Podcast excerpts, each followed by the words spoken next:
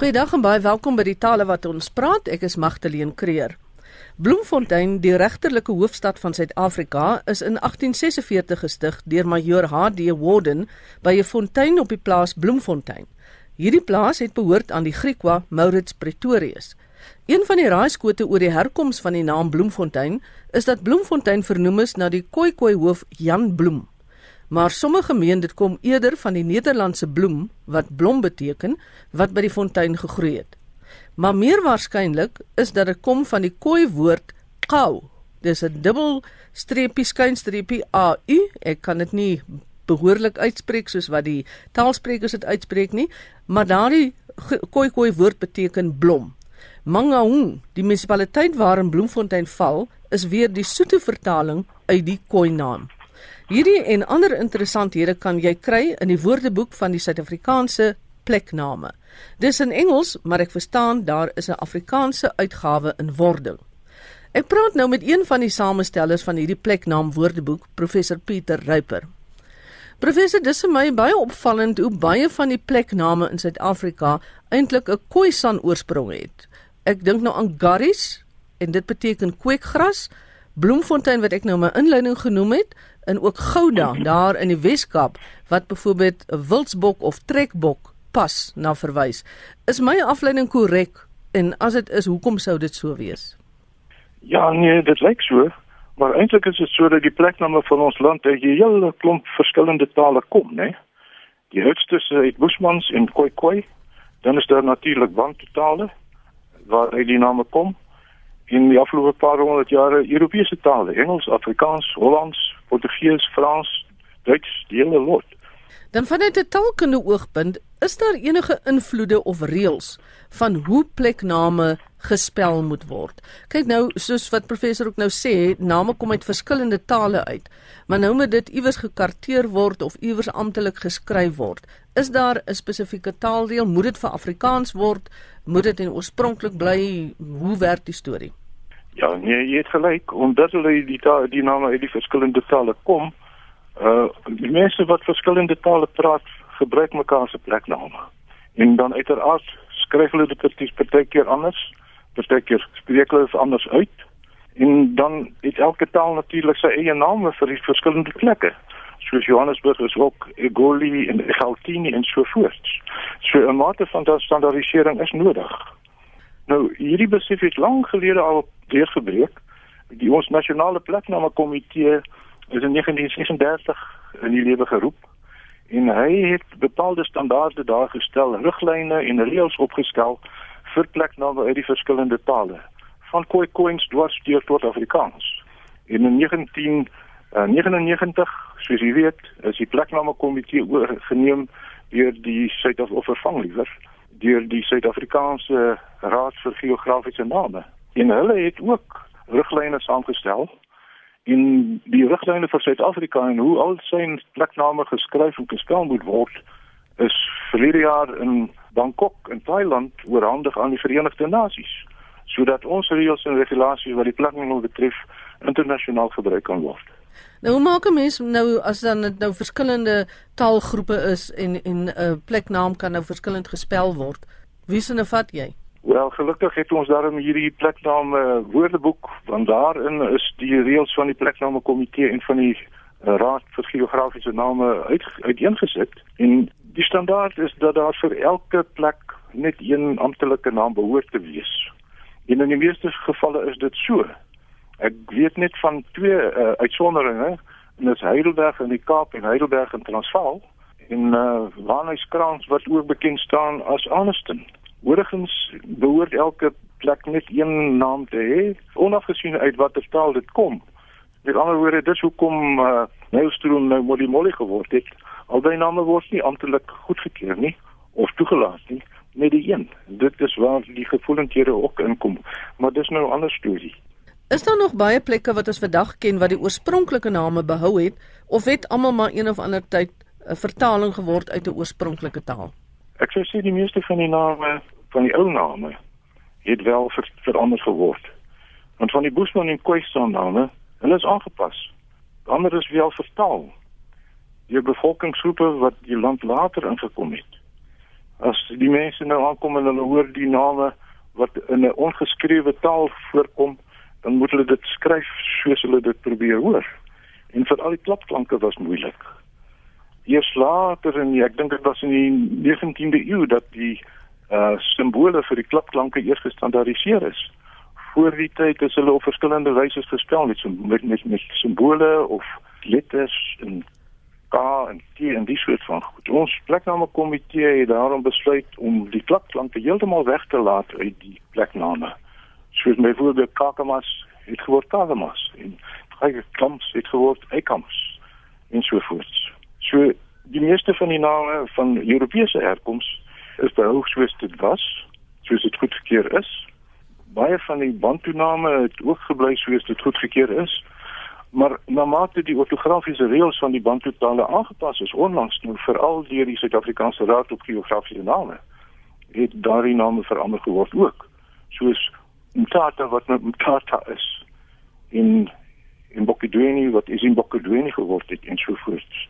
Amantsumtuti wat nou geskryf word met 'n klein a en 'n hoofletter m.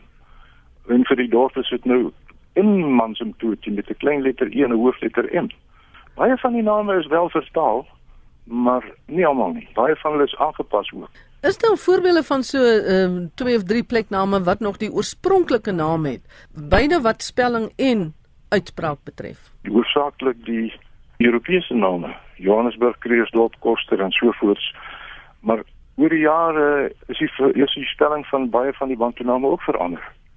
As ons byvoorbeeld kyk in Dr. Skeed se boek oor kosse plekname, sê pilot gazetteer of of place names vir elke naam is daar 'n hele klomp verskillende spellinge opgeteken deur verskillende skrywers oor die jare.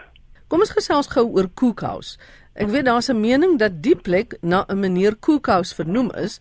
Dis moet ons dit nou nie vertaal na kookhuis nie. Is dit so? Ek het nog nie die storie gehoor van meneer Cookhouse nie. Wat ek opgeteken gevind het ook is dat daar op die oewers van die rivier 'n ou kliphuis was waar die mense gekook het. Hulle het die plek genoem die kookhuis wat later kookhuis geword het. Maar uh, dit lyk vir my asof dit volks etimologiese aanpassing kan wees. Daar is 'n uh, ander verklaring wat nog nie in die woordeboek opgeteken is nie. Maar soos jy weet word die woordeboek nou in Afrikaans vertaal en uh, ek hoop om die soort van dinge ook daarin te ondervang. Dit lyk asof koekhuis miskien 'n aanpassing is van 'n ou Boesman woorde. Want 'n uh, alternatiewe naam vir koekhuis is Rode Wal. Met ander woorde, 'n rooi oewer van die rivier waar daar nou waarskynlik rooi grond voorkom of so. In Boesman woorde vir rooi is Towa en vir oewer is Ku. So dit lyk asof Towa Kuis of Towa Kaus wat rooi oewer of ja, rooi wal beteken, Towa Kaus het geword Koekhuis kookhuis. So ons wat nou al die jare gedink het dat daar het 'n meneer en 'n mevrou Kookhuis bestaan. Dit is nie reg nie. Dit kan maar kookhuis in Afrikaans wees. Dit kan kookhuis in Afrikaans wees, ja. dis ons naam. Dis ons naam. Ons gaan dit nou nie terug verander na Kooi Coins of Bushmans nie. Nee nee, dit is sy naam. Ek weet nie, ek kan nie nou onthou, ek het nie die lys van goedgekeurde plekname by my nie maar dis moontlik dat of die een of die ander kookhuis of koekhuis of albei goedgekeur is deur die plekname komitee. En nou Nabom spruit, dit is nou deesdae bekend as Mokgopong. Waar kom hierdie naam vandaan Mokgopong? Mokgopong. Daar's 'n paar moontlikhede. Die mo is die plasmerker of prefix van die naam, nee, wat mense in Bantu taal en Bantu name teenkom. Daai kop sê hulle is afgelei van die woord gop wat beteken 'n uh, uh, naboom. Met ander woorde die inheemse naam en naboomspruit is albei afgelei van die bome wat daar voorkom. Maar daar's ander moontlikheid ook wat voorgelê is. Naboomspruit is aangelê op die plaas Visgat. En daar is woorde soos ko en ko en go wat beteken vis wat kon oorgegaan het as ko. En dan die po is moontlik 'n Boesman woord wat beteken holte of gat. So visgat is miskien oorgegaan as ko go het geword ko po wat geword het mo ko pong daai hang aan die einde is 'n is 'n plek aanduidende suffiks jy mens kan hom woorde soos in 'n naam soos town Toe die name van baie plekke in ons land verander is die afgelope 20 jaar, was daar nogal baie ongelukkigheid onder van ons landsgenote en veral vanuit die politieke geleedere. Maar as ek nou so deur hierdie boek lees, Suid-Afrikaanse plekname woordeboek, dan kom ek agter dis eintlik maar net 'n terugverander na die oorspronklike naam. In in baie gevalle is dit so. Mense is natuurlik ontstel as jy sien jou eie name wat jou eie mense toegeken het, name in jou eie taal wat van plekke wat mens self gestig het of opgebou het verander word. Maar aan die ander kant is dit die soewereine reg van elke regering om te besluit wat sy plekname moet wees. Maar die ironie van die saak is dat baie soos jy sê, baie van die name is maar terugveranderings. Ek noem 'n paar. Modimolle is die naam wat nou goed uh, goedgekeur is vir Nylstroom. Maar Modimolle is eintlik die naam van die berg daar naby Kraaskop en Modimolle beteken eintlik die hoë een. Dit verwys na die berg. Die mo is die prefiks. Die mo is 'n Boesman woord vir hoog en le is 'n plek aanduidende sufiks. Hulle is ras wat verander is na Lepalale. Lepalale is genoem na die rivier op die oewers waarvan dit aangelê is. Die Palala rivier. Die Palala rivier het 'n ander naam, Rooibok rivier. Boesman woord vir rooibok is Pala. So Lepalale is eintlik 'n Boesman woord wat verbandiseer is. Pietersburg het geword Polokwane. Polokwane is aangelê op die plaas Sandspruit. Polo is soos die Boesman woord Palo beteken sand en Kwane is 'n Boesman woord vir rivier. Die ne is die is die lokativering daarvan. En so is daar baie sulke sulke gevalle. Baie van die inheemse name is vir Hollands, die Hollanders ingekom het. Daarna toe die Engelse aan die wind gekom het, het hulle baie van die van die Hollandse name verander. So byvoorbeeld uh, Pampoenkraal wat Dali geword het. Een van die mooi stories is hierdie een van voortrekker hoofde wat vroeër Robert Heights was. Jy weet hy is nou Tabatswane. En Tabatswane is genoem na Tswane, met die hele naam vir Pretoria. En Tswane is beteken die klein apie sê hulle. Dit beteken wel apies want dit is genoem na die Apies rivier. Die Bushman woord vir apie is Kwane en dit word toe Tswane. Maar ek wil nou maar net 'n ander vraag ook vra wat ek gewonder het professor, is in Kantla ook in hierdie pleknaam woordeboek? In die Engelse weergawe van die woordeboek is in Kantla aangegee as 'n Zulu woord wat beteken om te rus of om uit te put of plek van vrede. Maar daar is opgeteken dat in Kantla beteken the ridge die bron is 'n Engelse bron. Kaal kop. Oesland woorde ka ka beteken kaal rug of kaal kop. The ridge. So ka ka het moontlik geword in Kantla. Dit is met ander woorde 'n verbantuisering, 'n zulufisering van ou Boesman naam vir daai kaal kop wat daar is. Dis nou vir die koppie of vir die werklike kaalkop wat daar is. vir die koppie. Goed. nou ja, baie dankie vir hierdie gesprek. Professor Ryper, hy's een van die samestellers van die Woordeboek van Suid-Afrikaanse plekname. Nou daar's baie Afrikaanse liedjies wat gaan oor plekke in Suid-Afrika. En een van die mooistes vir my is Randall Koba Wickham se Graafrenet en ek gaan daarmee afsluit. Graafrenet is vernoem na Cornelis Jacob van der Graaf. Hy was die gouverneur van die Kaap 1785 tot 1791 en sy vrou Cornelia Reinet. In die hart van ons land